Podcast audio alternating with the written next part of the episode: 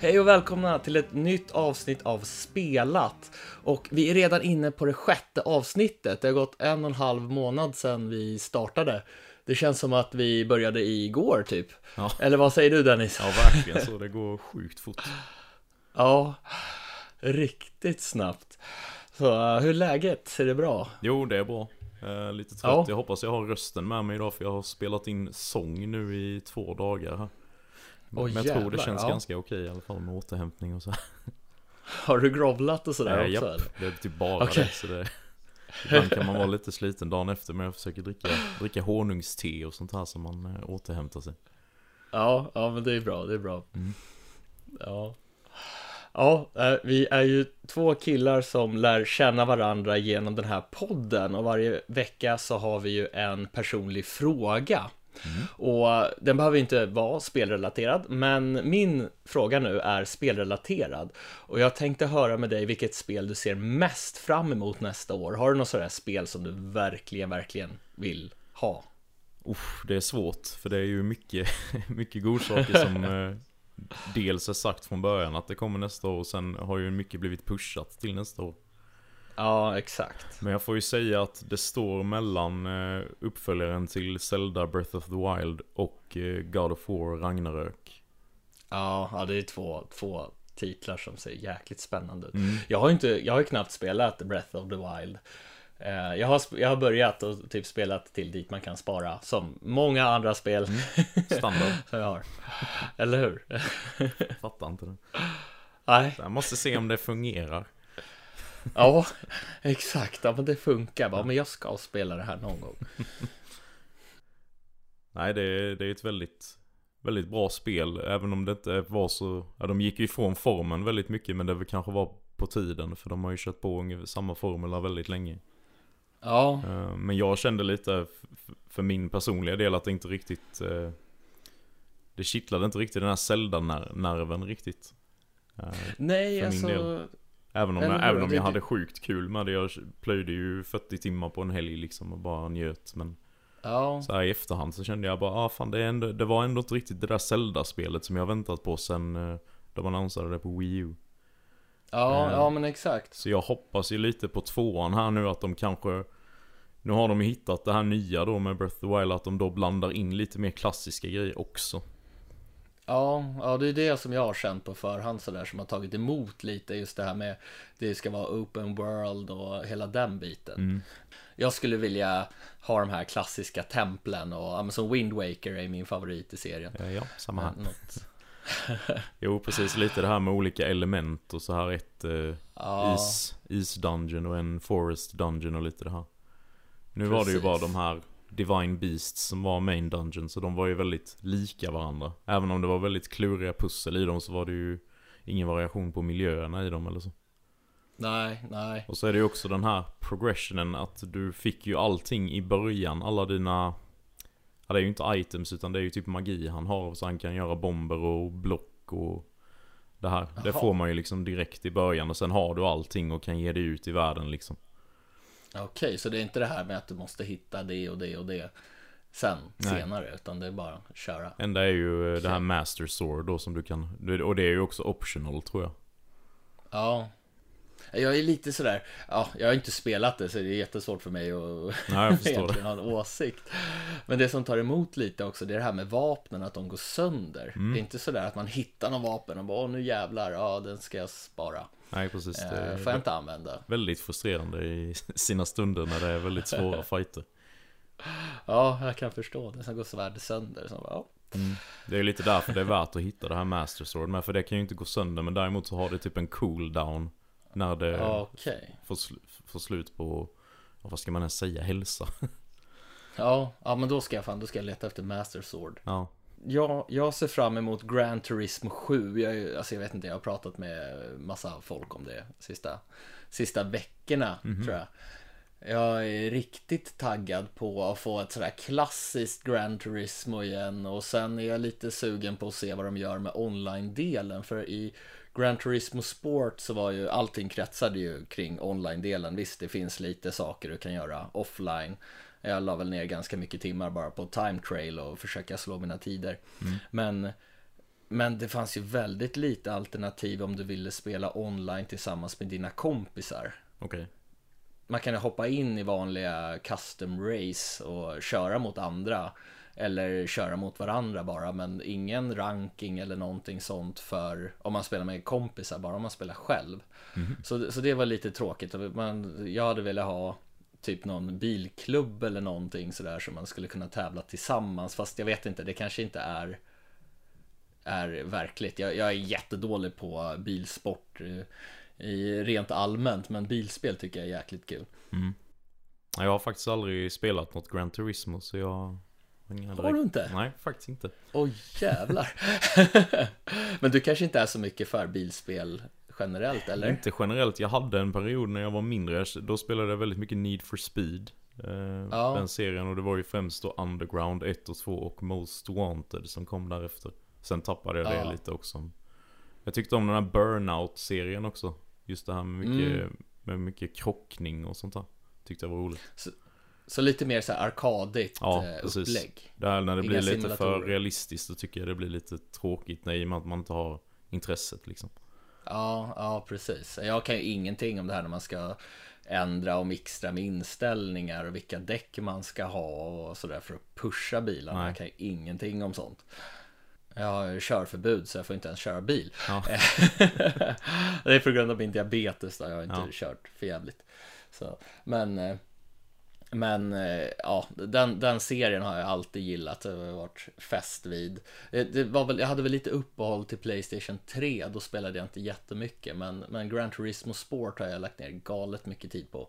Och försöka förbättra ranken. Och, och sen gillar jag det här systemet också. Om du typ, om du kör de här rankade racen och så kör du in i någon bil. Då får du ju minus, minus poäng för, att, för hur du uppträder på banan. Sen Sen var inte det sådär jättebra heller för du kunde bli påkörd och så typ flyga ut över någon gräsmatta och så ja men då får du minuspoäng för att annars kör ut. Ja, det är ju realis- realistiskt i alla fall låter det. Ja, ja, eller hur? Så jag gillar ändå att de försöker med det här för annars kan det vara många bilspelare, alla kör in i varandra och använder varandra som någon sorts plåtvägg för att ta sig vidare. Mm. Men vad jag har hört också så brukar det ju vara ett väldigt bra showcase för eh, grafiken på konsolerna den här serien. Ja, jo det brukar ju vara jäkligt snygga spel och, och det är som Gran Turismo Sport var ju 60 bilder per sekund, i alla fall till Playstation 4 Pro. Jag vet inte om det var det till originalkonsolen, det vågar jag inte svara på. Men... Säkert inte.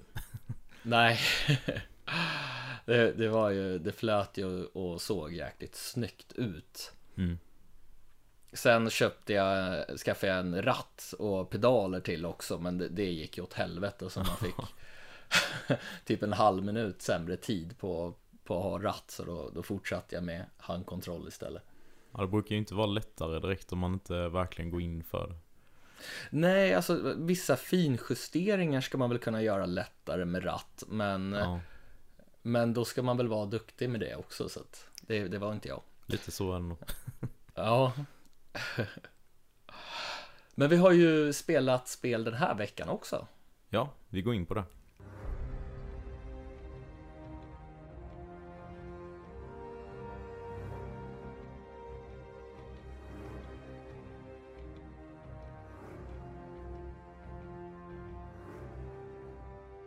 Eh, på tal om bilspel då, lite mer arkadiga, eh, så har jag spelat eh, det dagsfärska Forza Horizon 5. Oh, nice. Ett par timmar har jag hunnit eh, trycka in idag. Jag har lite, lite ledigt här nu emellan två kurser på min utbildning så det passade bra. Härligt. Ja, det släpps ju idag den 9 november. Det är nu vi spelar in det här avsnittet. Precis, och jag tror det fanns också om man hade bokat någon premiumutgåva så fick man det tidigare någon gång förra veckan tror jag. Så det kanske är en del av er som redan har testat det. Ah, okej.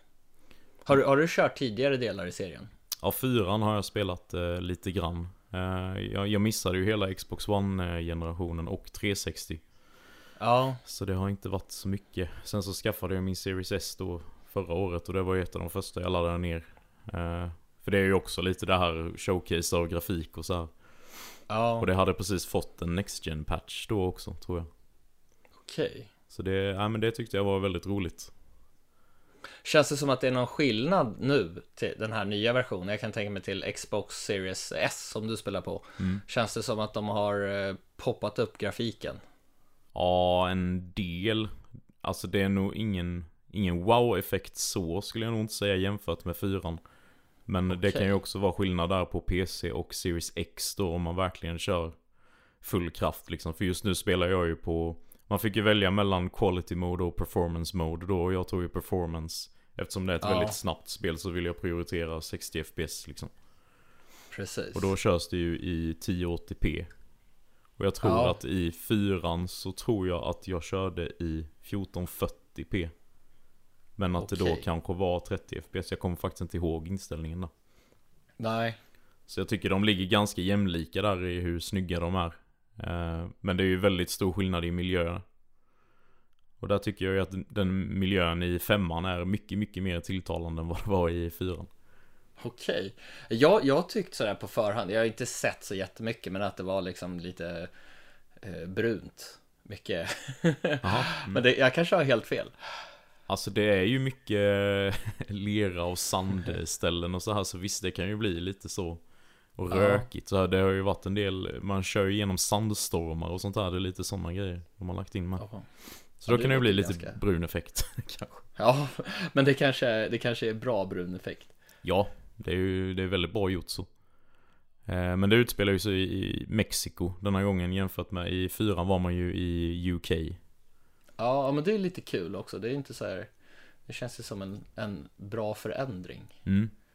Och så tycker jag att det, det är väldigt mycket roligare direkt från start denna gången också än vad det var i fyran. I fyran, om jag inte minns helt fel nu så börjar man ju som en nobody. Skapa Mm. sin karaktär och sånt här och så får man liksom jobba sig upp och få lite häftigare bilar och så här. Ja, Men detta har de ju då gjort som en direkt uppföljare på fyran så att du är ju liksom eh, del av arrangören av den här Horizon Festival. Nu då så att du är ju liksom en känd superstar så du har ju liksom redan från början ett gäng råfeta bilar liksom. ja okej. Så det känns väldigt mycket roligare från start så. Ja. Nej, för jag, jag körde fyran och då jag spelade det först när det kom lite grann och sen långt, långt senare. Mm. Och då fick man hur mycket pengar och bilar som helst. Man fick snurra på något hjul och så fick man ju Ja, typ allt som man kunde köpa allt. Men då för mig så förlorar det lite charmen med det här att jaga de här mm, precis. vrålåken. Det, det kan ju vara nice att ha några stycken bra bilar från början. Ja, Men, det, just då kunde man ju skaffa typ precis vad man ville om man snurrar på det här hjulet och man fick ja. vrålåk efter vrålåk. Det här, det här hjulet har de ju kvar i femman nu. Det har dykt upp eh, några gånger. Att man får snurra Ja. på det. Och då kan du ju få antingen pengar eller bilar då. Beroende på vad de landar på. Ja, okej. Men det känns ja, ju ändå jo. som att det är en väldigt lagom progression. För du måste ju liksom köra olika events som kan vara lite olika races. Och så finns det ju sådana här story events då som de har hittat på något kul liksom. Och så Ja. behöver du ju få ihop en viss, eh, kommer jag inte ihåg vad det heter, men det är också en viss poäng då för att kunna köra nästa eh, Horizon Event tror jag de kallar det. Och då är det ju att du expanderar den här festivalen till ett nytt område. Okej. Och så låser du upp typ nya story missions där då. Eh, Så man är ju lite del av arrangemanget liksom. Ja, precis. Men de här story missionsen är väl, väldigt, väldigt roliga. Det lilla jag har kört än så länge. De är ju Ja. ganska utspridda dock så man får ju köra ganska mycket vanliga races sånt här emellan. Men det var en, en jag körde som jag kan ta som exempel. Då skulle man liksom köra ut, följa efter ett här, en, en galning som flyger i ett sånt där litet eh, propellflygplan. Okej. Och så kraschar han ute i djungeln då, så måste man liksom köra ut och hämta honom. Och då visar det sig att han har kraschat vid ett sånt här gammalt tempel. Så då får du lite så här små uppdrag att du liksom ska typ köra upp för en av byggnaderna på det här templet. Och så ska du Okej. liksom hitta eh, två olika statyer i djungeln runt, runt om där och ta kort på dem. Jaha. Och lite sådana Så här det- grejer. Det är lite så roliga grejer också. Det är inte bara det här stela som det kan vara. Nej precis, men det blev lite så här äventyrskänsla på något sätt. Lite Indiana Jones nästan, eller vad man ska säga. Även om det var skitlöjligt att man bara körde runt med en jävla spottbil där ute i, i djungeln liksom, eller det, vad man nu väljer. Ja. Och det jag gillar med Horizon-serien är att de bakar in det väldigt snyggt där om man ska spela med kompisar och sådär. Utan du kan ju köra alla race. Det, det borde väl vara samma i femman. Jag är inte stenkoll på Ja, det. det kommer ju upp Men- att man kan välja co-op på nästan alla Ja, events och så. och det är ju riktigt kul. Man kan köra både mot datorspelare och mänskliga spelare Mm. och hela den faderullan. Så det är ju liksom så himla bra inbakat. I många andra spel så är det ju ganska Ja men du kan köra kampanjen för sig och sen kan du köra Ja men några race med kompisar och sådär. Mm. Så det, det är ju ett jäkligt stort plus. Och det är ju bra också att det är ju det är, Man kan ju spela med PC-spelare också utan problem. Ja, precis. Men, nej, men de hade gjort det väldigt snyggt i inledningen att man börjar liksom Man ser liksom ett flygplan som kommer och flyger in över Mexiko. Och så inne i hangaren på flygplanet och så ser du en bil framifrån. Och så står det liksom bara tryck på A för att eh, hoppa ner och så släpper de ner bilen med fallskärm. Och så kommer du ner vid en vulkan och liksom tar över kontrollen direkt och börjar köra. Okej. Väldigt starkt och sen så när du har kört en viss bit och så byter den över så flyger liksom kameran bort långt bort så kanske du är ute i djungeln med en helt annan bil. Och får Ja. testa på den typen av miljön och köra en bit liksom.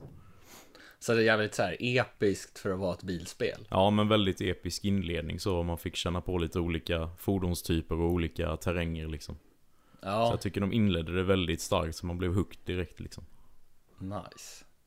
Och sen släpps man ut och kan göra vad man vill. Eh, Du får ju väldigt mycket pluttar på kartan direkt med olika typer av races och så.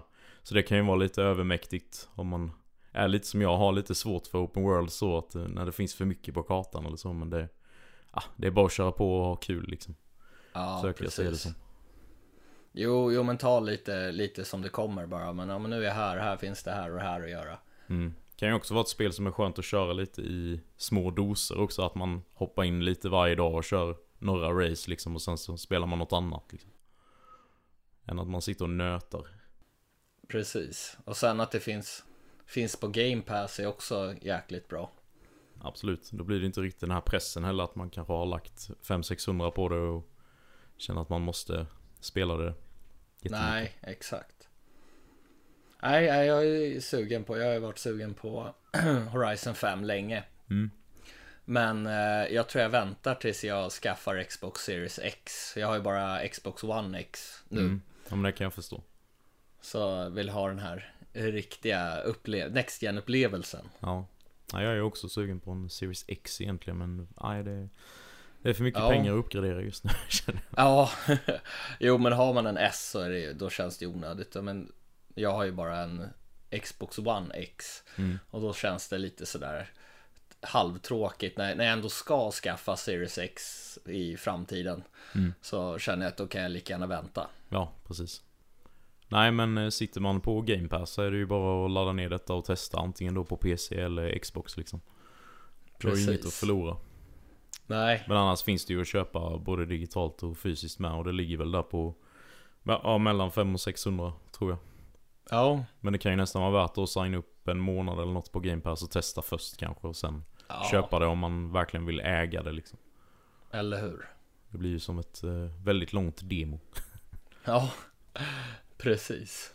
Jag har väl inte så mycket mer att säga om det. Jag har ju bara provat eh, ett par timmar liksom för att se om vi kommer tillbaka till det nästa vecka eller det. Sen är det ju inte så himla mycket att säga om ett sånt här spel heller. Alltså man, man vet lite vad man får känns det som. Mm, det är väl inga jättenyheter från, om man ser från tidigare spel kanske. Nej, jag tror inte det. Och jag är inte så superinsatt i serien heller. Så jag är lite fel person att fråga. jag kan bara ge ett ärligt intryck av Ja, gemene man. exakt. Ja, nej men det är en fantastisk serie så att det är det ju. Det är väldigt kul i alla fall.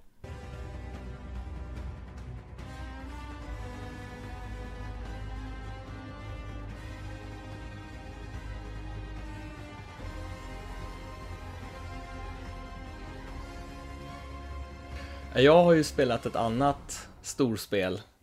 Ett, eh, ett spel som många eh, älskar att hata.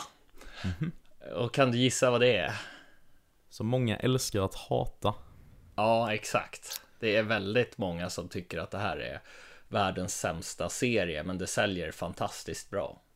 Oj, eh, jo men kan det vara eh, Call of Duty Vanguard kanske? Exakt. Och jag, jag gillar ju den här serien. Det är nästan som man... Eh, jag vet inte, jag gillar den här farten och det är liksom, det är som en arkadig känsla. Jag gillar ju klassiska, snabba arkadspel. Jag är gammal Sega-spelare som har hängt i arkadhallarna och spelat Sega-spel. Mm. Men jag glömmer alltid bort hur kul jag tycker att kampanjen är i de här spelen. Det, mm. det brukar ju vara främst multiplayer som jag spelar och sen så hoppar man på kampanjen och så märker man fan det här var ju riktigt kul. Varför ja. har jag inte kört den tidigare? Så uh, nu har jag hoppat på kampanjen och den är väl kanske 5-6 timmar och jag börjar väl närma mig slutet. Mm. Jag är mm. inte riktigt klar än, men, men det är så jäkla episkt. Alltså det, det är ju en riktigt ordentlig story med, det är som så här Hollywood-känsla. Ja. Med mycket snack, med, det är mycket fokus på karaktärerna. Och man har som fyra stycken huvudkaraktärer. Mm. Och någon kanske är sniper, eller någon är sniper och någon kör flygplan och, och sen får man veta liksom, ja men vad har hänt de här personerna tidigare innan, innan den här aktuella händelsen. Så får ja. man vara med och spela där och det är ganska sådär, ja, jag ska inte säga att jag sitter och gråter, men det är ändå känslomässig story. Det är inte bara massa bomber som flyger i luften och, och sådana saker. Nej, det brukar Även om ju vara en väldigt ordentlig kampanj i de flesta Call of Duty-spelen, men de är ju väldigt förbisedda. Ja, precis. Och, och, jag vet inte, alltså jag har inte kört i Cold War, jag vill säga Black War, men det är fel. Ja. Då, jag, jag har hört att den ska vara väldigt bra också. Men mm. den har jag inte kört. Men det här, det här känns som en, en betydligt mer filmisk upplevelse än vad jag har sett i serien än vad jag har spelat tidigare. Mm. Med fokus på berättelsen och, och, och sen så är det ju, det är ju väldigt episka strider man får se liksom flygplan som flyger över vattnet och skjuter och spränger saker i luften med dånande i headsetet och sen får man hoppa in i den här situationen själv. Så ena stunden springer man runt på och hoppar mellan olika tåg. Andra gången så kanske man smyger i skogen och och knappt har någon, någon vapen utan man får döda någon fiende och plocka upp ett vapen med lite ammunition och så ska man fundera på, jaha, ska jag använda den här ammunitionen eller ska jag försöka fortsätta smyga? Det är tio soldater där framme, jag tror att jag eh, håller mig lite i skuggan. Mm. Och sen nästa sekund så är man uppe i luften och flyger över Stilla havet och, och slåss. Så att det, det är väldigt mycket variation ja. i, i spelandet. Ja, så, så det, det känns, känns faktiskt riktigt kul. Mm. Och jag hade väl nästan velat, jag, jag brukar gilla korta spel och jag vet att jag är i slutet men jag känner att det här hade de ju kunnat gjort längre. Ja, okay. ja det är ju ett gott betyg. Ja. När man känner så. Precis, och ändå så känns kampanjen som en extra, bara en bonus för mig. Eftersom att det är multiplayer-läget som jag alltid fastnar vid i Call of Duty-spelen. Mm. Och det, det är ju alltid, det är ju rå, snabb action. Det händer ju jättemycket på, på de här kartorna hela tiden. Men man kan köra det finns eh, tre olika sätt att, att, spela på. Det finns lite mindre strider som är, ja men jag tror att det är max 6 mot 6 spelare och det gillar jag mer när det är lite mer taktiskt. Man får försöka eh, ah, jag vet inte, jag, jag kör alltid Rambo-style, jag kutar och skjuter. Eh, men, men det finns ett nytt spelläge som jag tyckte var riktigt kul. Mm. Och det heter Patrol. Och då är det som en cirkel man ska ta sig in. Det är väl som att man ska patrullera och ja, kanske ta någon person till någon plats eller någonting sånt. Ja. Och, och då får man liksom, är man i den här ringen då är man ju värsta måltavlan för folk som Ja, de ser ju att motståndarlaget är i den här ringen eh, Då ska vi kasta in granater och skjuta på allt som rör sig där Ja, precis Men det är faktiskt riktigt jäkla kul och, och försöka vara längst i den här ringen för sen efter matchen så har de lagt till också att man får rösta på M, så MVP. Den värdefullaste spelaren i, lag, i laget. Så att ens ja. lag får rösta på tre olika spelare. Och då kan det vara ja, men vem, den som har fått mest kills, den som har bäst eh, kill death ratio. Eller den som kanske har uppfyllt flest eh, mål, eller liksom uppfyllt målen i den här spelrundan. Och då är det mm. nästan alltid den som har uppfyllt målet som blir MVP. Mm. Och det är lite kul för då känns det lite som att då bryr sig folk mer om att verkligen gå in för att ta punkterna i domination till exempel. Då har du ju x antal olika punkter som du ska ta över. Mm. Och sådär. Så att eh, det känns, annars så, jag vet när jag körde Cold War så var det väldigt många som körde som Team Deathmatch fast man körde Domination som inte brydde sig ett dugg om att ta punkterna. Aha. I både sitt eget lag och motståndarlaget och då kändes det lite sådär Jaha, varför, varför ska ni spela det här och inte något annat spelläge? Nej, precis. Det är, det är som när Call of Duty-spelare kommer in i Battlefield och kör ja. Conquest och liksom bidrar inte överhuvudtaget. De bara satsar på att få kills. Eller hur? Exakt. Så, att, så det känns, alltså min initiala känsla, jag har väl kört kanske fyra timmar multiplayer kanske. Mm. Är i alla fall att det är mer fokus på verkligen att, att göra det man ska. Ja. Så det, det, det Ja, det känns kul och jag, jag har fastnat för det här Search and Destroy igen. Mm. Det är ju lite som eh, CS där man ska plantera en bomb på ja, det finns två olika bombplatser som man ska plantera och när man är skjuten då är man död och då kan man inte spåna. Nej, så det, det, blir lite mer spänning, spänning då. Man kanske tar det lite lugnare eftersom att man vet att de som försvarar, ja men de sitter ju och oftast håller koll på bomben och sen två kanske ute och springer och försöker jaga de som anfaller.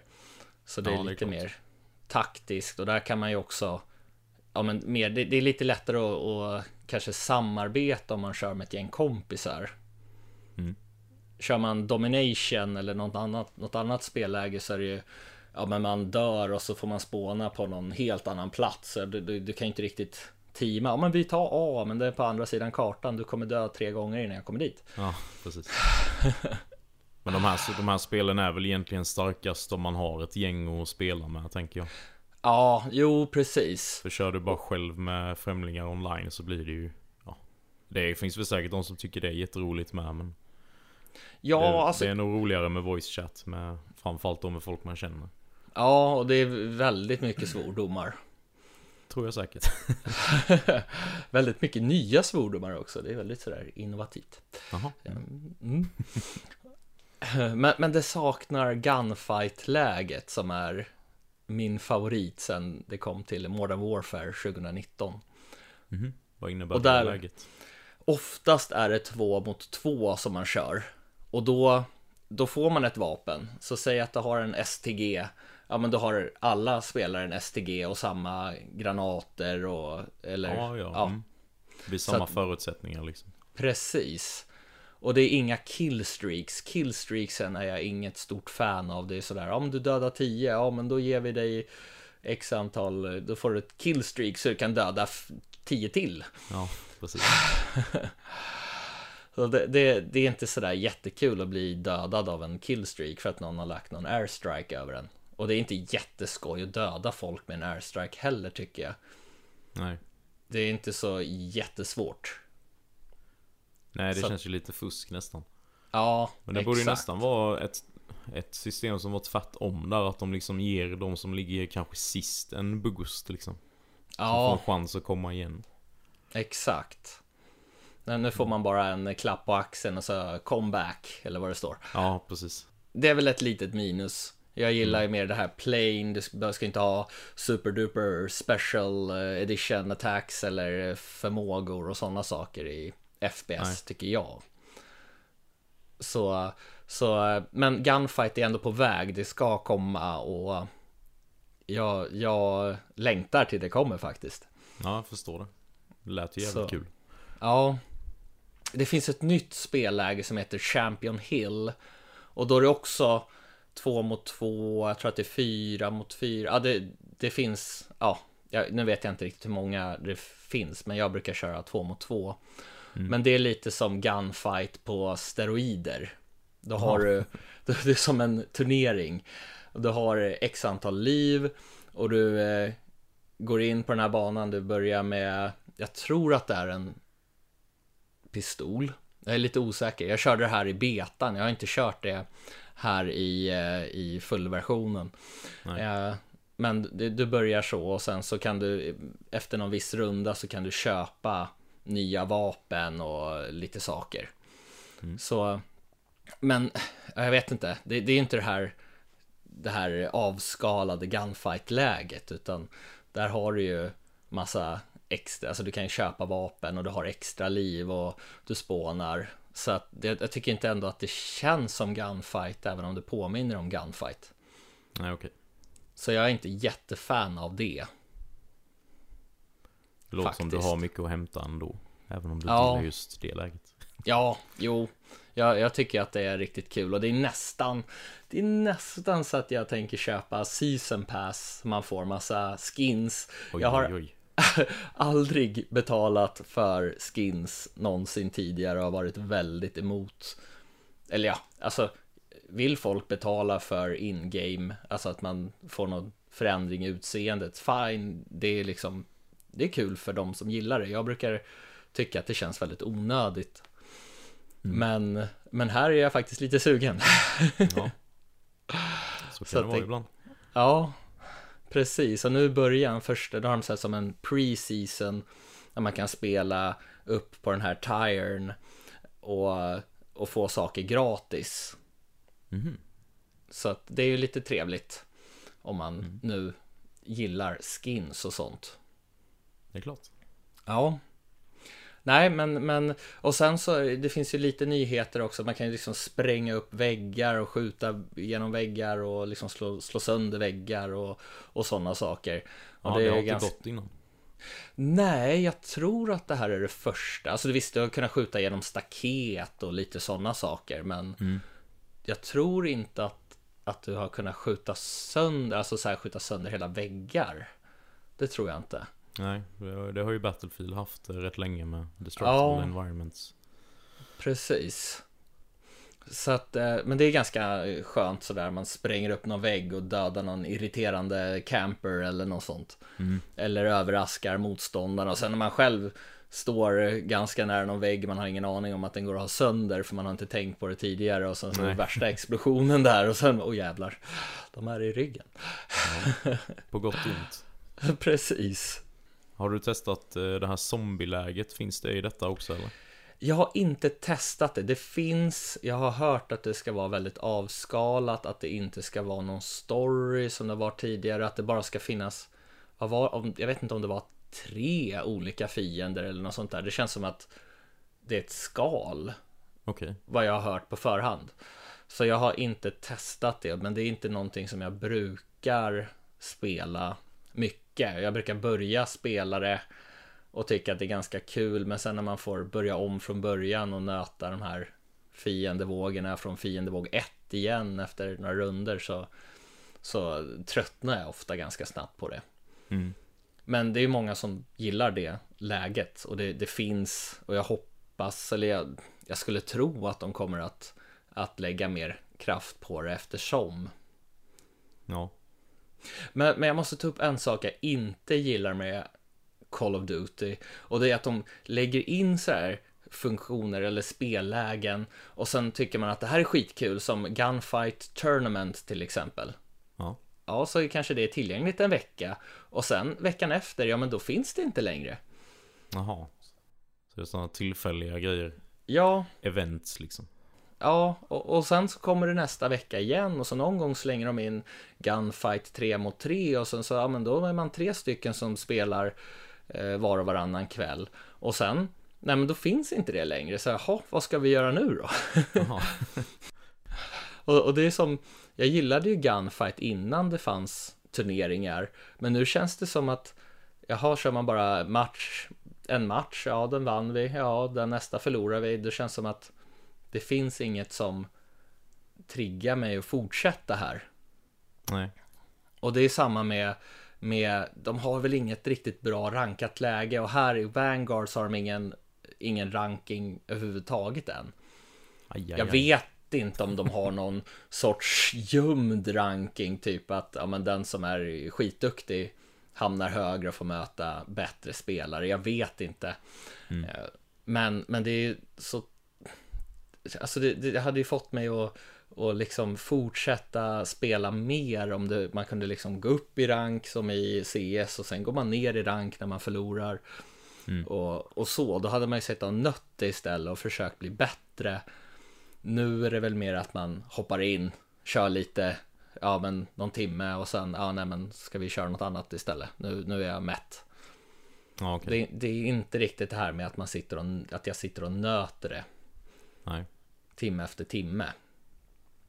Jag förstår Men- vad du menar. Ja, men jag tänker mig en sak med kampanjen också. Jag tycker om att det blir lite lugnt emellanåt. Det kan vara ganska långa filmsekvenser. Ja. För att det är ju så himla intensivt och det är som att man behöver den där pausen. Man kan ta lite vatten utan att behöva trycka på paus. Man kan andas lite. Jag är inte 25 längre. Nej. Det låter bra ju. Ja, nej så att eh, det är väl kanske inte jättemycket nyheter, men jag, jag tycker väldigt mycket om Vanguard. Och jag Mm. tycker om att de har gått tillbaka till andra världskriget. Jag gillar inte så här futuristiska saker med special edition grejer och sådana saker. Nej. Även om eh, Cold War var ju, det var väl 80-talet va, som det utspelade sig, så det var inte heller något fut- futuristiskt. Men Något sånt ja. Ja, Men känns det inte lite urvattnat med eh, World War 2 också? Alltså jag tycker inte det eftersom att det känns som Ja men de gör det på ett annat sätt. Det är inte samma Tugg som tidigare utan det är ändå Lite Eh, Men jag, jag har ju en förkärlek till Den här tidsepoken också. Eller så här, 40-talet tycker jag ändå är ganska Ja, det, det, det är fel att säga mysigt när de liksom dödar varann och Ja. eh, Nazi-Tyskland är hemska. Ja. Eh, men det är ändå stämningsfullt. Jo, men det är nog många som tycker det. Ja, det är väl det är väl många som tycker om det och det är många som inte tycker om det men då är det väl bra att just Battlefield är en lite mm, ja, mindre avlägsen framtid och Vanguard är, är på under andra världskriget så att man får Mm. lite variation om man skulle ja, välja det man är sugen på helt enkelt. Precis. Och vill man ha något helt annat eh, med lite sci-fi och grejer så kan man ju vänta till december och spela Halo Infinite. Eller hur Tommy? Det kan man, men är inte jag. Jag är inget fan av Halo. Jag vet inte hur många gånger jag har sagt det till dig. Ja, det är nästan varenda gång vi har talat vid tror jag. Ja, jag tror det. Jag började ju inget bra när jag fick, eh, när jag köpte Xboxen, jag tror att jag var 12-13. Mm. Jag eh, lånade, ja, typ 5-6 tusen av min pappa. Skulle jobba, sommarjobba hela sommaren för att få tillbaka de här pengarna. Jag får hem konsolen, spelar Halo och känner, ja, Luften bara gick ur mig och jag körde Amped, det här snowboardspelet, mer Ja. än Halo. Jag, jag hade köpt router och skulle köra online. Det, det hade ju inget officiellt online-stöd, men med hjälp av en router så skulle du ändå kunna koppla ihop dig och köra Mm, mot andra. Så, men det gick inte, för jag hade, jag vet inte om jag hade ADSL eller det var någon, något knep med internet. Ja. Det gick inte heller. Jag satt på det där kontoret och jobbade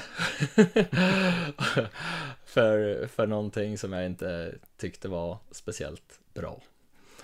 Deppigt. Ja, ja det var inte förrän eh, online-möjligheterna till Xbox kom som jag började, då, då föll jag ordentligt för Xbox och sen då var det nästan att jag ja, spelade mest på Xboxen istället för PS2an där ett tag. Mhm.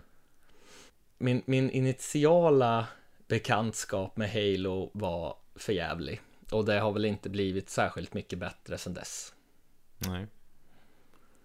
Jag kommer ju helt klart prova eh, kampanjen på Halo Infinite i alla fall. Eh, de släppte ju en trailer för det rätt nyligen nu. Jag tyckte det såg häftigt ut. Ja, alltså det såg ju väldigt mycket uppdat såg väldigt uppdaterat ut i jämförelse med det tidigare som släpptes. Så det kom väl 172 000 memes på det. Ja, precis. Men det ser ju ändå inte sådär eh, riktigt next gen ut heller. Nej, Som att Nej. den nya generationen. Visst det är väl lite snyggare än Halo 5 eh, senast va? ja, Men visst. Eh, grafik är inte allt heller. Brukar jag nej, säga. det är det verkligen inte. Eh, design och, alltså, eller ja, spelupplevelsen är det ju viktigaste, men jag tycker Mm. designen är viktigare än grafiken. Men på tal om grafik så är ju Vanguard jävligt snyggt i kampanjen. Mm. Jag blev Härligt. förvånad när man hade suttit och spelat spelat multiplayer som ser, alltså det ser väl okej ut men det är ju inget oh, wow. Men Ja. eh, kampanjen ser ju bra ut och sen filmsekvenserna är ju fantastiska. Ja, härligt. Mm. Men körde du, eh, du kanske sa det innan, men körde du kampanjen på Cold War? Nej, det gjorde jag inte. Så jag Nej. vet inte, jag kan inte jämföra där. Jag har hört att den var väldigt bra. Ja, för jag har varit sugen på att köpa det mest för att köra igenom kampanjen, men då kanske jag snarare ska kolla på detta nu då. Ja, För jag är ju väldigt glad i eh, First Person Shooters i single player. mm. Tycker det är Mm. härligt. Underskattat. Ja, ja, alltså jag fick nästan lite, lite vibbar av eh, Wolfenstein. Fast det är inte Oj då. lika skitigt som Wolfenstein och sådär. Det är det ju inte. Så Wolfenstein är ju ändå, jag tycker det är en ännu bättre upplevelse kampanjmässigt. Ja, Men, men det känns som att det här är bra. Det är bra. ja, härligt. Ja. Ja, det Men folk- kostar väl 700 kronor ungefär.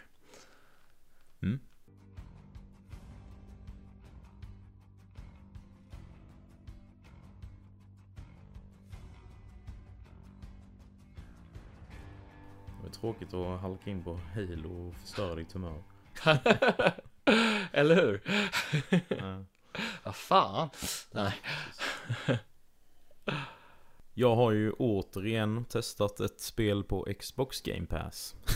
Nice. Vad är det för snart, spel? snart får de gå in och sponsra mig tycker jag, för det känns som det, jag kacklar om det varenda avsnitt. Eller hur? Men det, men det är ju en otrolig tjänst, det går ju inte att, det går ju inte att säga emot. Nej, nej, det känns ju som att det är Microsofts eh, starkaste kort i det här Någonsin. konsolkriget. Ja, Ja. ja, Precis. Deras räddning. eller hur? Det såg ju inte så bra ut där med Xbox One. Nej, Men eh, ja, jag har provat ett spel som heter Echo Generation. är det den här delfinen? Nej. Nej, nej, nej. Jag tänkte bara, åh, nice. Ja, är Nej, det det till Sega? Det är Ja, precis. the Dolphin. exakt. Jaha, nej. Nej, det här är kanske e- eko på ett annat sätt. Ja. Jag vet, jag vet egentligen inte helt, eh, riktigt varför det heter Echo Generation. Nej, Eh, men det är i alla fall ett äventyr slash rollspel. Med eh, turordningsbaserade strider. oh, nice. Eh, och jag, jag fastnade väldigt mycket för det för att det hade en väldigt eh, stark vibe av Stranger Things. Mhm. Du känner till den Netflix-serien kanske? Jajamän, jag Mm. har börjat se den fyra gånger tror jag. Ja, härligt. Börjat se också. Ja, precis. Det är samma med, Ja. med spel sådär. Men jag har börjat på det. Mm. Nej men det har lite en vibe av Stranger Things då och eh, de, de här gamla, det gamla rollspelet till Super Nintendo, Earthbound. Är det, är det 2D-grafik eller är det 3D? Det är 3D, eh, men du rör dig oftast i sidled. Men sen Okej. kan man liksom gå in i, i djupet på skärmen eller vad man ska säga. Om man till exempel går upp för en gata så går du liksom uppåt. Ja, Men sen när du kommer upp till nästa gata så ser du från sidan igen. Okej. Kan man säga. Men du kan ändå gå i djup, djupled. Mm, Uttrycker jag mig säkert jättedåligt här men jag hoppas folk förstår vad jag menar. Det är 3D i alla fall. Eh, och det är en väldigt speciell grafikstil. Det påminner lite om Minecraft kan man nästan säga i hur karaktärerna och så ser ut. okej. Jag tror det kallas för voxel art. Och det är ju alltså då att det är Det är ju pixelgrafik fast i 3D. Mhm. Eh, och du får ju då, när du börjar spel så får du välja mellan ett gäng olika avatarer då hur din karaktär ska se ut. Det finns både eh, två eller tre olika manliga och kvinnliga då. Och så får du ge karaktären ett namn. Och så vaknar du upp på ditt rum. Eh, och du har tillgång till din dator där du kan kolla mail. Eh, och då kan man läsa igenom lite där att han, eh, min karaktär är en han då. Eh, han ska Ja. göra ett filmprojekt med sina kompisar. För de är väldigt stora fans av sci-fi och framförallt sci-fi skräck. Så de håller på och mejlar om det. Så då ska man ge sig ut för dagen. Eh, och då tjatar ens mamma om att man måste ta med sin lilla syster ut innan man får gå någonstans. Ja. Så då går man och pratar med syrran och då säger hon ja men jag vill inte följa med dig ut eh, utan du måste, du måste ge mig en grej först. Och då vill hon ha en vägkon till att dekorera sitt rum. Jaha. Så då börjar man direkt med det här att det är väldigt eh, likt äventyrs eh, peka-klicka-spel. Att det är väldigt... Hitta, du hittar ju ett item och så kan du byta dig till ett annat item som du behöver för att lösa ett pussel någonstans och så vidare. Nice. Så det är lite sådana element också. Eh, så det första du får göra, du får, ju, du får ju röra dig ute på den gatan där du bor då. Utan din syster. Så då hittar du det hon vill ha och sen så blir hon recruitad som en party member då. Eh, och så ger de sig ut helt enkelt eh, i staden. Och pratar med folk och eh, löser problem och så här. Mm. Sen så kommer man ut utanför staden så ser man att ett jätte, jättestort rymdskepp har kraschat ute på ett majsfält. Eh, och då märker man ju då att det är något skumt på gång för då börjar det plötsligt dyka upp alien-robotar som man Okej. får slåss mot då. Och då kan vi gå in lite på combaten för det är ju som sagt eh, turn-based. Och det är, Är det- väldigt så här om man ska säga realistiska attacker. Så din huvudkaraktär får ju, den första attacken han får är att han liksom tar fram en eh, så här landhockeyklubba. Okej. Och, s- och slåss med den liksom. Och då blir det lite sådana här... eh, Om man kan se till Paper Mario-serien i combaten där så är det ju väldigt mycket med att du ska trycka med en viss timing och lite sådana här olika inputs. Ja. För att skada mer då. Så då kan ju stå till exempel, ja den här attacken gör 2 till 5 damage. Så om du då sätter den perfekt så gör du 5 damage och annars så gör du 2 om du inte gör någonting. Precis. Så det, det gör ju att man får vara aktiv hela tiden även om det är turn-based combat liksom. Ja. Så det är, det är ganska kul men det är väldigt svårt. Eh, Jag dog faktiskt i första striden som jag hamnade i. Eh, Men då hade jag inte riktigt greppat de här eh, vad, jag skulle göra under attackerna och sånt här heller så jag gjorde alldeles för lite skada. Finns det möjlighet att grinda? Ja, Alltså, det gör det. Ja. Men det är lite jobbigt där också för att eh, fienderna har någon liksom timer på sin respawn. Och det, fin- du, det är ju inga så här random encounters utan du liksom ser fienderna och går in i dem och då startar fighten liksom. Ja. Men där kan det ju vara att när du väl har besegrat den så ligger de liksom döda på plats. Och sen så även om du går... För man kan gå hem då till sitt hus och lägga sig och sova så får, blir man healad och så. här. Ja. Och även om du gör det så är det inte säkert att de har respawnat. Eh, och det finns liksom bara fiender på ett ställe i början. Där du kan grinda då. Okej. Så då kan du bara, bara det får jag väl gå runt lite tills, eh, tills det finns fler liksom. Ja. För det var så att jag körde fa- fast på en boss. Eh, lyckades inte ta, ta den liksom. Och då tänkte jag, ja men jag får grinda upp någon level då. Men då stötte jag ju på det problemet att fienderna inte alltid fanns tillgängliga. Okej. Får man gå och dricka kaffe eller något sådär emellan? Ja, precis. Men, men det, det, jag vet inte. Det, många av nya, nya rollspel och sådär, de har ju inte så mycket det här med grinding och det, de är ofta ganska lätta. Mm. Så kan det vara ganska skönt ändå att det är lite svårt också. Ja, det känns ju väldigt klassiskt eh, RPG på det sättet. Ja, Och det är inte någon så här inflation med experience points och så heller. Utan man får liksom väldigt lite av varje fight. ja okej. Eh, och en annan grej de har lånat där från Paper Mario är ju när du väl går upp i level så får du liksom en skill point som du får sätta antingen i hälsa, skada eller eh, skill points då. Mhm. Så att du har fler då. Så det är liksom den enda progressionen du gör egentligen. När du går Ja, upp i level. Så väljer du då hälsa så ökar ju inte din damage när du har gått upp i level utan bara din hälsa. För den leveln. Men så här, striderna och sådär, finns det möjlighet att vara smart och, och sådär? Eller är det mer rätt på att man, ja, man behöver inte tänka så mycket eller?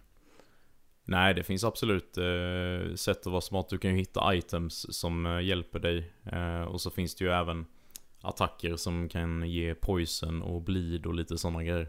Ja, Så det är lite hur man väljer att och, eh, lägga upp taktiken. precis. Och utöver sin lilla syster där då så ska man kunna hitta olika animal companions. Eh, Jag har dock bara hittat en och det är ju då deras katt som man har med sig. Och den hjälper till i striderna så den typ går fram och slår, slår med svansen är dens eh, standardattack. Okej. Och så har jag hittat den också så att han kan göra healing lick. Så att Jaha. han liksom slickar sig på tassen och så healar han samtidigt.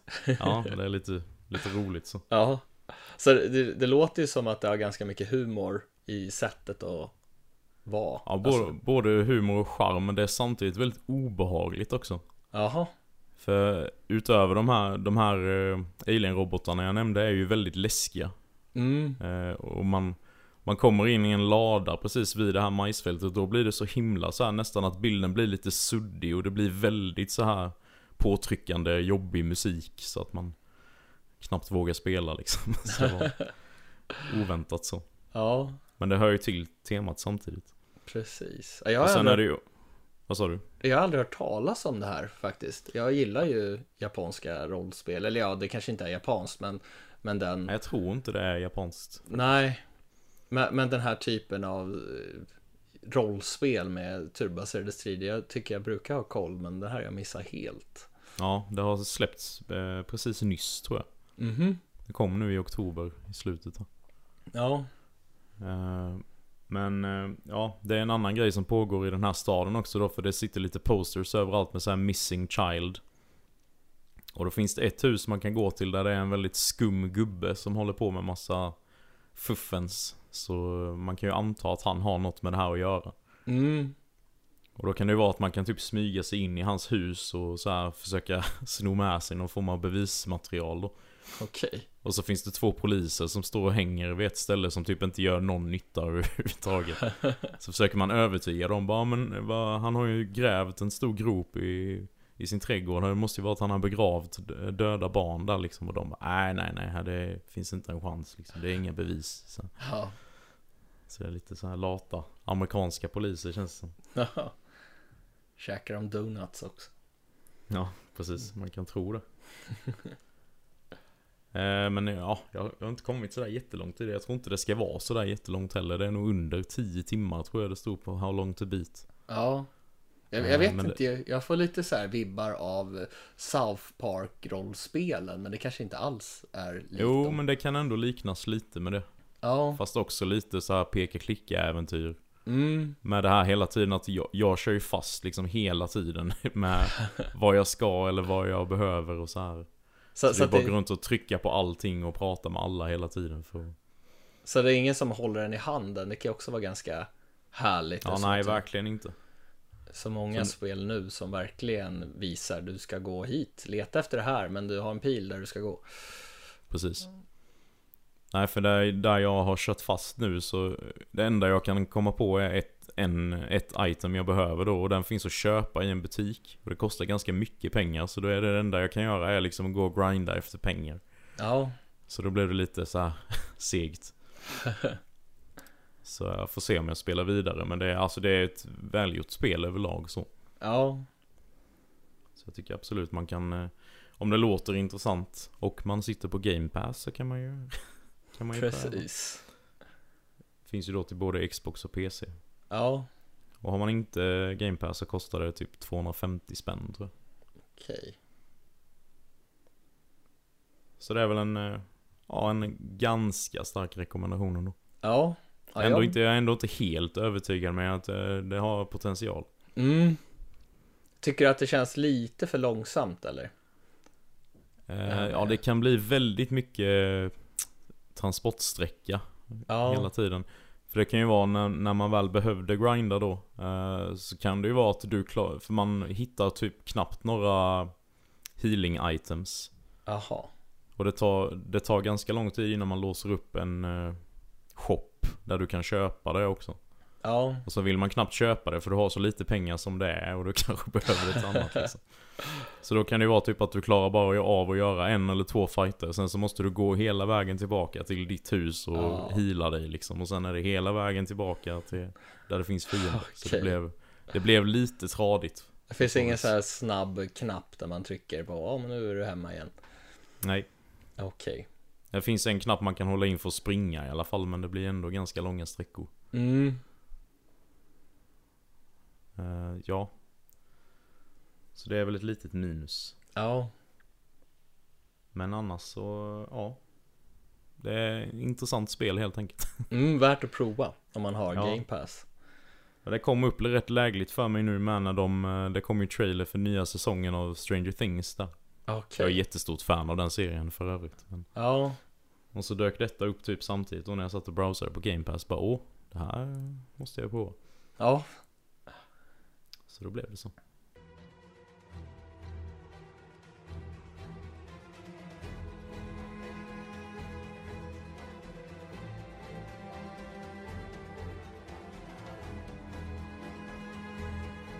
Jag har ju också spelat ett japanskt rollspel. Blue Reflection Second Light. Och jag hade inte hört talas om det här innan. Det ska tydligen vara en uppföljare. Och eh, det handlar om eh, ett gäng tjejer. Ao Hushisaki. Eh, mitt Ja. uttal är superbra. Ja, precis. Ehm, hon hamnar helt plötsligt, hon är i sin, i sin skola och sen hamnar hon i en alternativ värld i samma skola. Där hon stöter på två andra tjejer som, som bor i den här skolan och de har inget minne av vad de har gjort eh, innan de hamnade i den här skolan. Så att det är liksom väldigt mystiskt och jag gillar mystiska spel. Jag tjatar ganska mycket om det eh, annars med, med spel och sådär som är mystiska. De, eh, varför är de här? Varför, var, var kommer de ifrån? Eh, det här Au som mer eller mindre kan vara som huvudkaraktär. Hon minns ändå sitt liv innan hon hamnade här. Och- Spännande. Precis. Och sen så kommer det upp någonting, någon, någon ny del i den här världen som de kan gå till. Och sen har de någon liten robot som säger att nej, ni ska inte gå dit för det är farligt. Men de går dit i alla fall och så har de någon ring på fingret så att de, och när den, de använder sin eh, ja, kraft från hjärtat, sina känslor, så att de får fram vapen och, och börjar slåss mot eh, monster och sådär. Och, och det är ju turordningsbaserade strider och då har man som en eh, timeline där nere. Och sen går den upp till ja men eh, första nivån, ja men då kan man göra en attack. Och sen om man får mer, ju mer attacker man gör desto mer på EP-poäng tror jag det heter, får man och då kan man ju så att den går upp till timeline nummer två och man kan göra dubbla attacker och så vidare och så vidare. Så att Ja. själva stridssystemet, jag förstod det inte riktigt först. Det tog ganska lång tid för den här tutorial-delen, det kom upp massa text och det stod att man ska göra si och så och si och så. Men i grund och botten är det ganska enkelt, men det är jävligt svårt att förklara. Det brukar nästan vara så i moderna JRPG. ja, eller hur? Att man, man kan förstå det ganska bra själv men sen om man ska förklara det för någon annan så kan det låta sjukt rörigt. Ja, så, så jag känner att jag, jag kanske ska låta bli och försöka vara detaljerad. men, men det handlar ju mycket att de ska utforska den här världen och vad, vad är det för någonting, varför är vi här? Eh, Medan de som bott i skolan som inte minns någonting tidigare, de tycker att det här är ju normalt. Jag är inte van med något annat. Det, det här är livet. Mm. Sen börjar de Vad är, det för, vad är det för typ av värld då? Eller så är de på skolan fast i en annan värld eller Ja, är man ute i en öppen värld eller vad? Nej, alltså den är ju väldigt stängd. Det är typ den här skolan och sen kommer det någonting till där det är monster. Okej. Och så låser man upp nya delar hela tiden. Jag, jag har inte klarat det här spelet, jag har inte kommit superlångt än. Nej. Så att jag vet, vet det är fortfarande väldigt mystiskt allting. Mm. Men man samlar på sig massa saker när man är ute på fältet. Det är som runda bollar man kan få saker ifrån och när man spör fiender så får man saker och sen kan man gå till skolan och bygga saker. Alltså du kan göra eh, bröd som de kan käka för att få upp livet och du kan bygga någon eh, korvmoj för liksom som de kan ställa där i skolan. Och lite, lite sådär. Så att det är väldigt mycket crafting och påminner en del om Atelier-serien. Har du någon koll på den? Ja, jag vet vad det är, men jag har inte spelat det. Nej. Jag har inte tyckt att det har lockat så mycket eftersom det har verkat vara sånt stort fokus på just crafting. Ja, ja, nej, jag, jag, jag tycker, jag tycker om den serien. Jag tycker den är ganska mm. mysig faktiskt.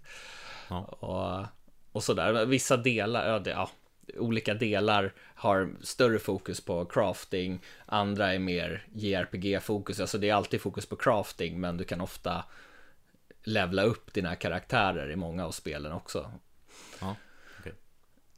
Så att, eh, men det här var ju ganska skönt och det här är ganska lugnt spel när man har spelat Call of Duty, jag har kört massa Rocket League och det var liksom helt slut. Mm. Och sen varva ner till det här som är lite mystiskt och och, och sådär. Så, så det, det, är ganska mysigt. Alltså berättelsen kanske inte är super nice. Men det, det har väldigt sån här anime-feeling. Ja. Så det är så färgstarka karaktärer. Någon är väldigt glad och positiv och någon är väldigt eh, negativ till allting och någon är lite vuxnare i sättet och, och sådär. Ja. Och någon är väldigt snäll och, och så vidare. Och så låser man upp Låter som vilken anime som helst. Ja, ja precis. Så att det känns ju som att de har tagit ett koncept som redan är använt. Men, eh, men striderna är så, kameran är ju väldigt jobbig. Den håller på och åker överallt hit och dit och, och sådär. Man har ju nästan bara koll på den här timelinen för att när du kommer upp till när du ska göra en attack då ska du trycka på på ja, men till exempel kryss eller R2. Jag har ju spelat eh, Playstation 4-versionen. Så man, man, har nästan bara koll på den där timelinen och tittar inte riktigt på striderna. Utan okay. Så, så det, det, är lite segt kanske. Ja, då missar man ju lite effekter och sånt där. Ja, precis. Men, men det finns ändå ganska mycket sätt att tänka taktiskt för att kanske få ner fienden så att den inte, så att den liksom inte kan göra någonting eller röra på sig och, och så vidare. Så det är mm. ganska intressant tycker jag. Men jag har inte stött på någon, det har inte varit något svårt än. Det har varit ganska enkelt, men jag kände att jag, jag ville lära mig så jag förstod stridssystemet och det tog ganska lång tid för att vissa saker kunde jag inte ens göra innan jag mötte någon fiende som hade väldigt mycket liv, någon boss. Mm. Så för man, fienderna han dö innan man hann samla ihop tillräckligt mycket poäng. Jaha. Men, men en sak som jag tycker är väldigt osmaklig, det är som så här, ja säg att de lagar någon mat tillsammans. Så liksom, ja men då filmar de in tjejernas eh, rumpor och eh, sen när de har i striderna så får de, ja de byter gear och då har de så här väldigt så här tajta eh, tajta kläder och det här känns ju liksom som, som små tjejer så det blir liksom Oj då. Vad fan. Känns ja, de är väldigt eh, gubbsjuka där borta i Japan Jag fattar verkligen inte varför de måste ha med det i varenda spel Nej Nej, så det är ju verkligen sådär som man känner att bara, nej, nej, det här vill inte jag se. Det här nej, känns precis. fel. Mm. Men, eh, men om man bortser från det så tycker jag ändå att det är spännande. Och, och skönt, ja. skönt sådär spel att lugna ner, lugna ner sig till. Bara så här, ja, ta det lugnt med. Ja, ja men det är så jag har känt med Echo Generation också. Ja. Även om jag inte har varvat ner från något annat spel så har det varit skönt att varva ner överlag. Ja. med ett sånt, med ett ganska slött rollspel liksom. Precis. Så nej, nej, men jag, jag, jag kommer definitivt fortsätta spela. Och, och, det ska väl vara ungefär 30 timmar långt, så det är inte så superlångt heller. Jag tror att det ska vara ungefär 50 timmar om man gör allting. Om man ska hitta och crafta allting och hitta allt som går att hitta. Mhm. Mm. Men, men om man bara fokus, fokuserar på storyn så tar det ungefär 30 timmar att klara av. Så det känns ganska lagom. Ja, för ett spel i denna genren i alla fall. Ja. Många som skulle säga oj shit, 30 timmar. vem Precis. det?" Vad fan hinner det? Nej, precis.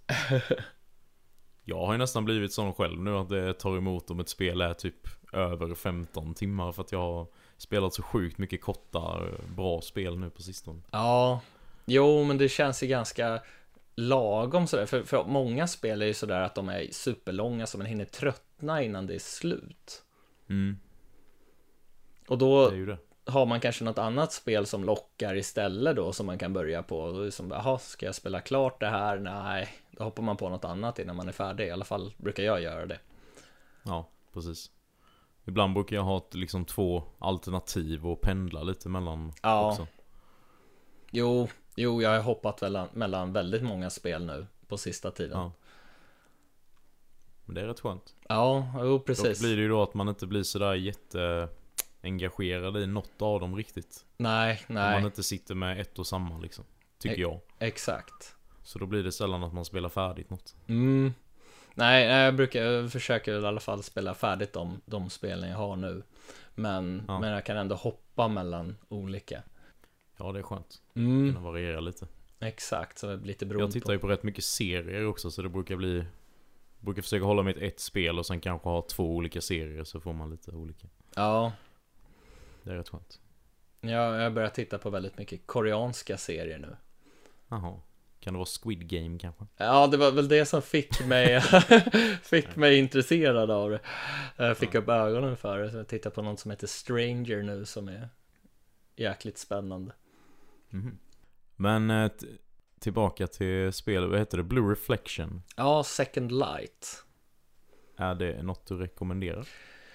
Om man gillar japanska rollspel som inte tar sig själv på sådär jättestort allvar. Alltså det är väl allvar, men det känns ändå så här gladlynt. Och även om det är sorg och sånt med i berättelsen. Mm. Så att jag, jag tycker det är väldigt lättsmält och, Ja. och mysigt. Så, Mm. så att om man gillar den typen av rollspel så, så kan jag rekommendera det.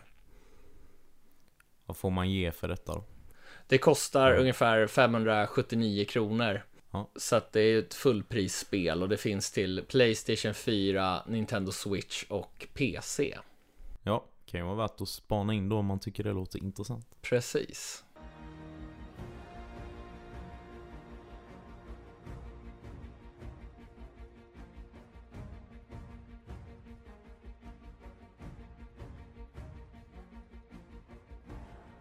Hade du några releaser att dela med dig av? Absolut.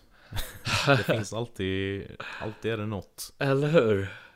Eh, Men det är en väldigt kort lista denna gången så det blir, det blir lagom känner jag. Ja, Eh, Men vi börjar med den 15 november så kommer Sherlock Holmes Chapter 1. ja det tycker jag verkar ganska intressant faktiskt. Jag har inte jättestor Mm. koll men jag... Nej, jag såg trailer på det ganska nyligen. Ja. Eh, Jag tyckte det så väldigt, det var inte alls vad jag förväntade mig. Nej, Jag trodde det skulle vara typ ett peka-klicka detektivspel kanske, något sånt. Men det här såg ju väldigt liksom actionpackat ut och och samtidigt var liksom eh, lösa mysterier och så. ja, Alla Sherlock Holmes. precis. Eh, men det, det görs ju av ett företag som heter Frogwares. Eh, jag vet inte riktigt vad de har gjort innan, men detta är tydligen det första som de publicerar själva också. Ja, ja, eller hur? För de gjorde ju tidigare eh, Sherlock Holmes spel. Jag tror att det var Sin... Nej, heter det Sin City? Sinking City heter det. Mhm. Men jag har inte spelat det själv, men Nej, inte jag heller. Men eh, Sherlock Holmes Chapter 1 i alla fall. Jag antar att det kommer vara typ episodbaserat då, eller om det blir flera delar. ja, det låter ju så. Ja, Så jag vet inte vad det kommer vara för intervaller innan nästa del. nej, Men eh, det kommer till PC, Playstation och Xbox i alla fall. Ja. Sen har vi den 16 november så kommer ett spel som redan finns ute till eh, Xbox och PC sen i maj. Eh, men kommer nu till PS4 och Switch också. Och det heter The Wild at Heart. Mhm, det känner jag igen. Men mer än så känner jag inte igen det. Nej, jag har, det, har, det har legat på Game Pass sen det släpptes. Men jag har faktiskt inte provat det. Nej, Eh, Men jag har haft ögonen på det. Det är, verkar ju vara väldigt inspirerat av Pikmin. Eh, Nintendos strategispel. där. det är jävligt gött. Ja, men det har en, en helt annan grafisk stil. Lite så halvt eh, tecknad. Ja, Eh, att det ser nästan ut som att det är 2D-karaktärer men de rör sig i en 3D-miljö. ja okej. Så det ser, det ser väldigt mysigt ut och mycket så här eh, fantasy-skogar och så. Ja, Och så har man ju några sådana här små varelser då som man kan kontrollera som, som i Pikmin. mm, Så det kan vara värt att kika in. yes. Och sen eh, är det faktiskt den sista releasen på denna listan. Det var kort denna gången. Eh, den 19 november, alltså fredag nästa vecka, så kommer ju då Pokémon Brilliant Diamond och Shining Pearl. ja, Och det är ju alltså remakes på eh, Diamond och Pearl då som kom till Nintendo DS. har du lirat dem? Nej. Okej. Kan ju, här kan jag ju erkänna då att Pokémon är en serie som jag inte gillar. Ja, Som de flesta andra gillar. exakt. Jag har kört Pokémon Red, det första. Mm. Eh, lite grann, inte hela. Jag fastnade faktiskt inte riktigt, även om jag gillar turbaserade strider så kände jag väl Ja. inte riktigt att storyn tilltalade mig. Nej, Men- exakt så känner jag också. Ja. Eh, Det har alltid varit att det liksom inte finns några direkt höga stakes i storyn utan det är liksom bara ja du ska bli den bästa Ja. Pokémon-mästare. Liksom, och det känns, jaha, det, det känns inte så tilltalande. Nej, jag, jag vet inte. Jag, jag har inte fastnat för det. Nej, sen så köpte jag nu för det var rätt mycket hype eh, kring de som kom till Switch. Vad heter de nu? Sword and Shield. Ja, Nu köpte jag ett av dem på release och tänkte att nu ska jag i alla fall ha spelat igenom ett Pokémon-spel. Så att jag... Sen kan jag liksom bestämma mig för om jag gillar det eller inte. För jag har alltid varit lite så här Inte kunnat bestämma mig. Om Nej. jag tycker om det eller inte. Eh, så det spelade jag igenom på ganska kort tid. Eh, men sen kände jag bara nej. Eh, det, var inte, det är verkligen inte för mig alltså. nej, nej. Men de här remakesen i alla fall är ju väldigt hypade. Så gillar man Pokémon så kan det ju vara värt ett köp. Exakt. Sen vet jag inte hur mycket skillnad det är från originalen. De borde väl ändå hålla ganska bra om man har kvar DS eller 3DS med dem. Ja, Jag är lite fel person att, att prata om Pokémon. ja, samma här faktiskt. Den enda kontakten jag har med Pokémon det är väl när jag köper det till mina syskonbarn. Mhm. De gillar Pokémon. Ja, ja. Skönt att någon gör det höll jag på att säga. det är, ju- väldigt många som Ja, gör det. Jo. Det är oss det är fel på. Eller hur? Jag kan förstå den här känslan av att man vill samla alla och den här jakten på att hitta alla Pokémons och sådär. Ja. Men det kommer ju såklart eh, bara till Nintendo Switch. Ja, Så det var releaserna för nästa vecka. Som jag har valt ut. ja, Och det var ju också slutet på detta avsnittet. Ja. Nu blev det långt igen. det blev det. Tänkte Ja, igen att det inte att- skulle bli så långt men Nej, jag tänkte jag har typ ingenting att säga men eh, Det hade ju du. Nej, jag tror vi var ganska jämnt. jag tror det. Eh, Men det är väldigt kul att, det, att ni fortsätter lyssna. Ja, Eh, Det är ju jättekul. ändå ett gäng som har hängt med även på de senare avsnitten. Mm, det är jättekul. Mm. Så det är bara att höra av er på mail eller sociala medier om ni vill Om ni vill ge någon kommentar eller feedback Eller om ni bara känner för att snacka liksom Exakt. Så får ni ha det så gött till nästa vecka Ja, ni får ha det så jättebra. Och spela något Ja, spela Det är det mycket. viktigaste Exakt. Jaha, spela, spela riktigt mycket Nej, vi säger så ja, det gör vi. Ha det bra. Hej Hej.